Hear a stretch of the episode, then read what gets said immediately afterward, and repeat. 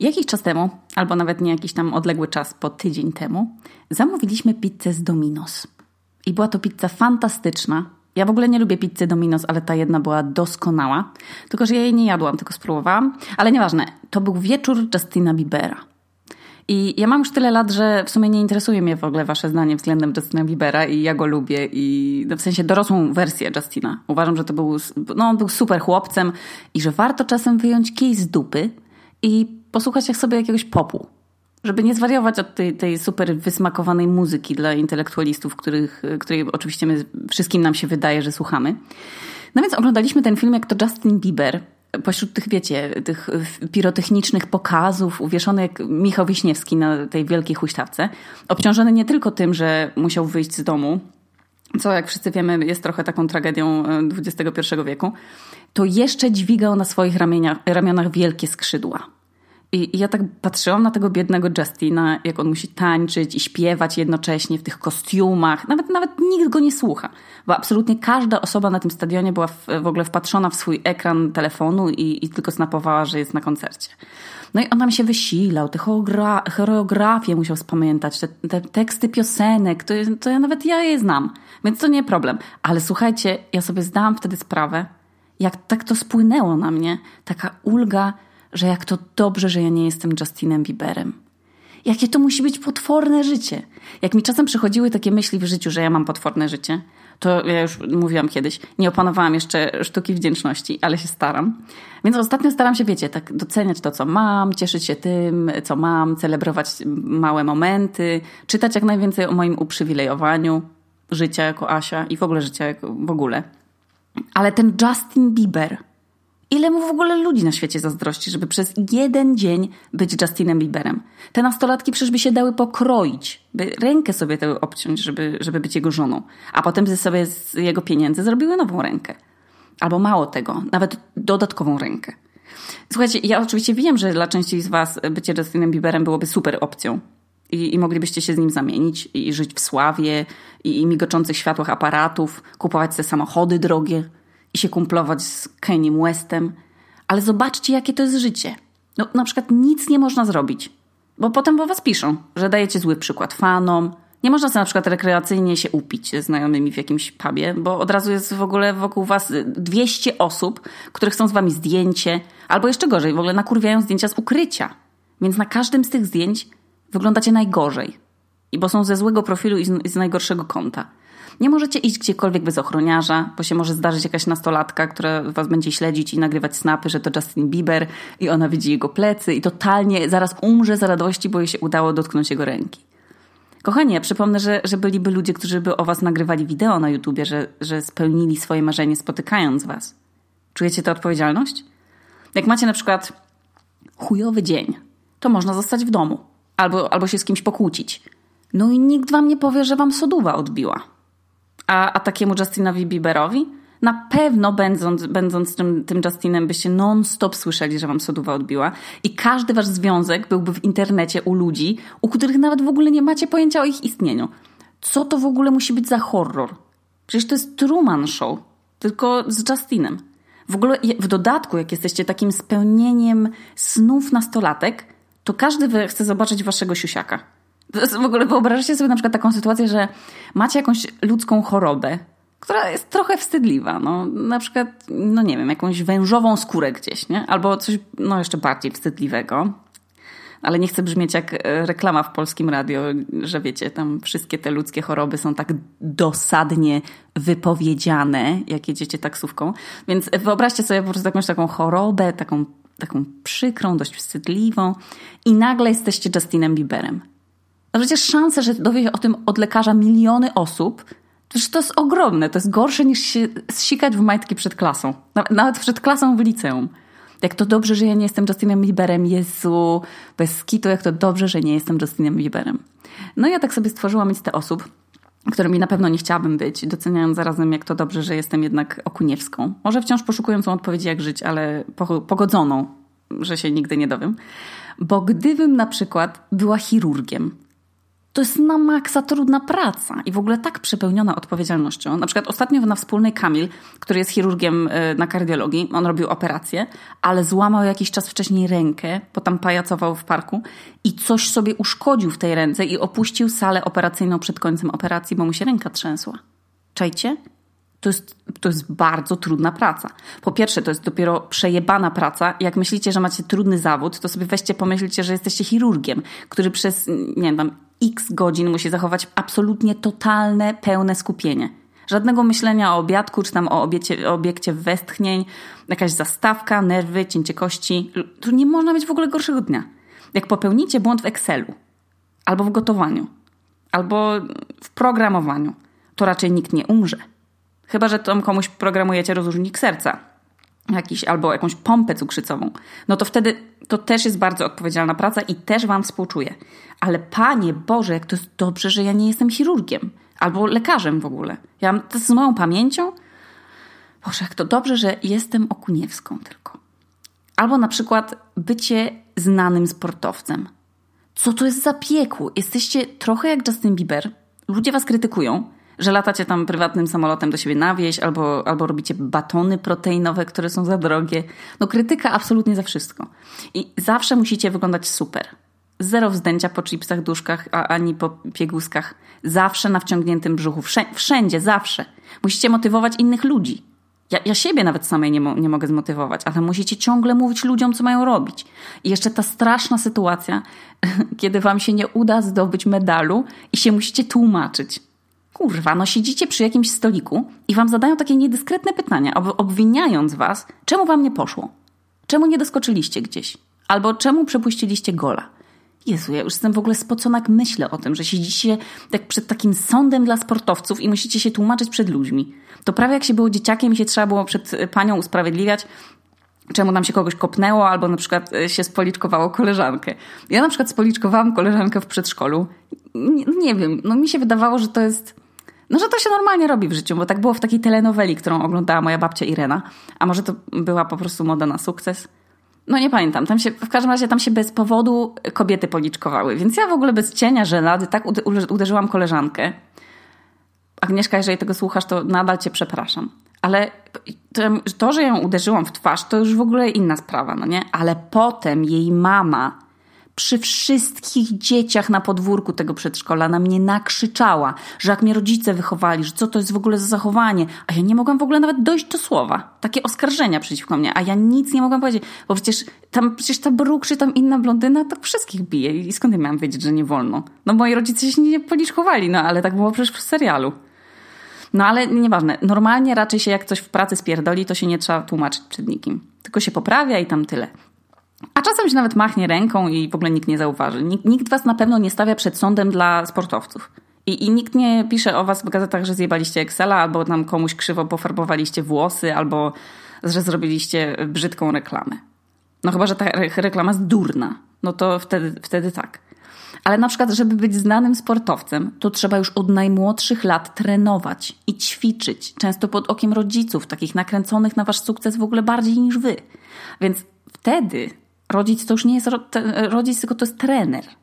Fatalna sytuacja, taka tresura. I codziennie rano i wieczorem i w ogóle zawsze trzeba trenować i nieważne czy się jest chorym, czy jest się zdrowym, czy się ma dobry, czy zły humor, czy leci Shrek na TVN-ie, czy Inspektor Gadget. To są trudne, trudne, ciężkie treningi. I zazwyczaj macie takie dzieciństwo bez znajomych i przepełnione rywalizacją i presją. Boże, to dobrze, że ja nie jestem, słuchajcie, sportowcem. Albo na przykład na zakończenie, zanim przejdę do tego, kim bardzo chciałabym być, gdybym mogła być tą osobą, to ostatnia osoba, którą bym nie chciała być, to jest agent CIA. A to jest spowodowane tym serialem, który ja odkryłam w tym miesiącu i się nazywa Homeland. I jest o takiej blondynie, która walczy z terroryzmem i z chorobą psychiczną jednocześnie. I to jest też potworna praca. W sensie bycie takim szpiegiem i zarządzanie tak stresującym życiem. Ja, ja, jestem zestresowana oglądając ten serial, a w prawdziwym życiu, jakbym ja miała decydować, czy wchodzimy, czy nie wchodzimy, y, czy strzelamy, czy nie, czy ktoś z kim gadasz jest terrorystą, czy, o, czy może nie jest. Przecież oni non-stop gdzieś zakładają albo zdejmują podsłuchy. Ciągle ten lęk, że cię postrzelą. Jak, jak ja sobie teraz myślę, to ja też nie chciałabym być na przykład szefem gangu narkotyko, nar, narkotykowego Kurwa, przecież to jest też strasznie trudna praca. Ciągle stres, ciągłe kombinowanie. To jest chyba jeszcze w ogóle gorsze niż bycie chirurgiem. Ale wracając do, do tego CIA, to tam bez przerwy się coś dzieje. Przecież w tych krajach Al-Kaidy to jest inna strefa czasowa niż w Stanach, więc absolutnie ciągle te misje zapobiegania terroryzmowi są prowadzone no non-stop.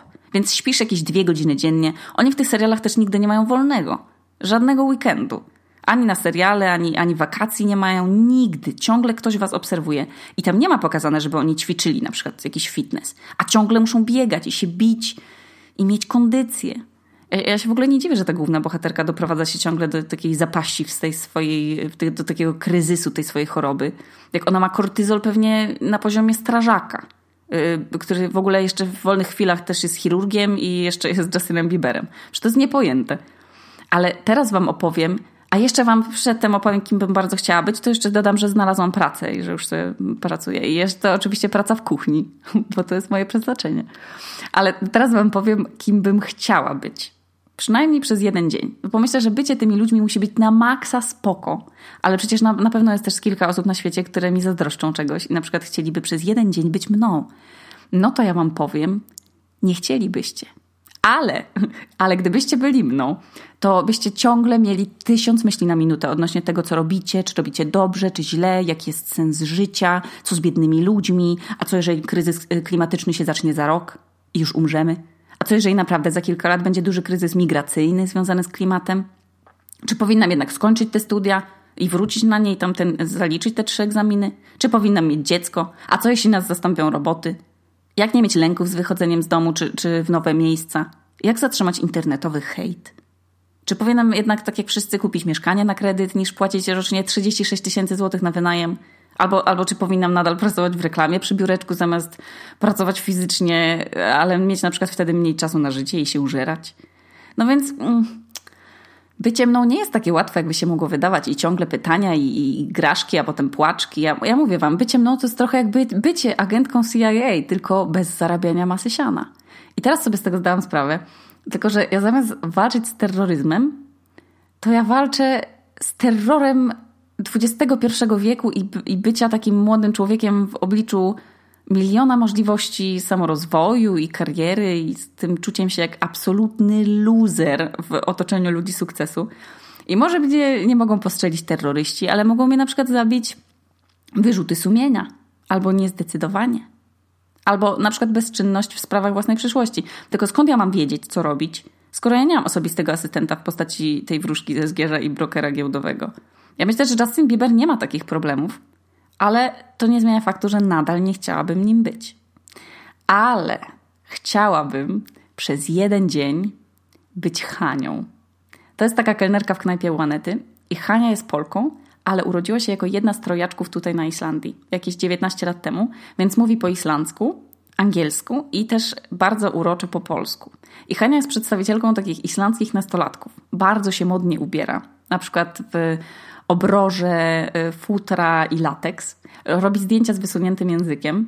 I gdybym była jej starszą siostrą, to bym jej w ogóle zakazała w trosce o nią wszystkich serwisów społecznościowych, bo Hania jest za ładna i za mądra i może ją porwać jakiś arabski szejk, y, który do niej napisze na Instagramie. I Hania ma 19 lat i mieszka w kraju, w którym może absolutnie wszystko. Może chodzić w przezroczystej bluzce bez stanika i nikt w ogóle nie spojrzy na nią krzywo. Może być artystką i mieć z tego hajs. Może studiować co chce, bo nie musi się martwić, że po jakichś studiach nie znajdzie pracy, bo znajdzie. Może wyjechać z Islandii na studia gdziekolwiek, bo wszędzie jest trzy razy taniej niż tu. Może y, kupić na przykład auto za jedną pensję jako kelnerka i sobie też jeździć gdzie chce i wracać sobie z imprez. Absolutnie bycie nastolatkiem na Islandii musi być super fantastyczne i wszyscy są tutaj artystami albo aspirującymi raperami. I możecie być w związkach partnerskich albo się hajtnąć z koleżanką albo kolega z kolegą. Nikt się w ogóle w tym temacie nie wypowie. Jakbym była Hanią przez jeden dzień, to bym była super szczęśliwa, że jeszcze mam wszystko przed sobą i, i, każde złamane serce bym ominęła. Pojechałabym na studia do Danii i ciągle bym chodziła, albo ona te, też duński zna przecież, bo w szkole się oni uczą duńskiego, tak jak my niemieckiego. Więc no, ja bym pojechała na, do Danii i ciągle bym chodziła na jakieś wernisaże i bym się ubierała w te takie lateksy i te długie płaszcze błyszczące. I pewnie bym też założyła jakiś taki zespół punkowo-eksperymentalny albo bym była feministyczną raperką, hipsterką i bym ciągle grała koncerty w Reykjaviku, bo oni tu ciągle grają koncerty w jakichś hamburgerowniach i w jakichś klubach i, i w galeriach. Absolutnie bym to robiła. I to by było super. I bycie nastolatkiem w kraju takim jak ten, kiedy nie masz aż takiego parcia na być jakimś fancy, jakieś stanowisko wymyślone w korporacji, tylko robienie sobie tego, co się chce. Nawet jeśli to jest szkoła łącząca wszystkie rodzaje sztuki, a nie ucząca żadnych tam niezbędnych w życiu umiejętności, to jest ekstra. Nikt ci tutaj nie mówi, że nie idź na ASP, bo będziesz nikim, bylebyś był szczęśliwy. To musi być umacniające. Ale albo totalnie ekstra by było być przez jeden dzień drag queen. Ja już to mówiłam w przyjemnościach listopadowych, tyle że na maksa chciałabym się przebrać w te wszystkie brokatowe cuda, te dziwaczne buty i olbrzymie treski i się nauczyć śpiewać i tańczyć i ja bym miała masę jakichś rekwizytów i gadżetów w stylu takie pióra i cekiny do rozrzucania i byłabym przebrana za drag queen wróżkę z Piotrusia Pana i bym się nazywała Lulu Moncherie.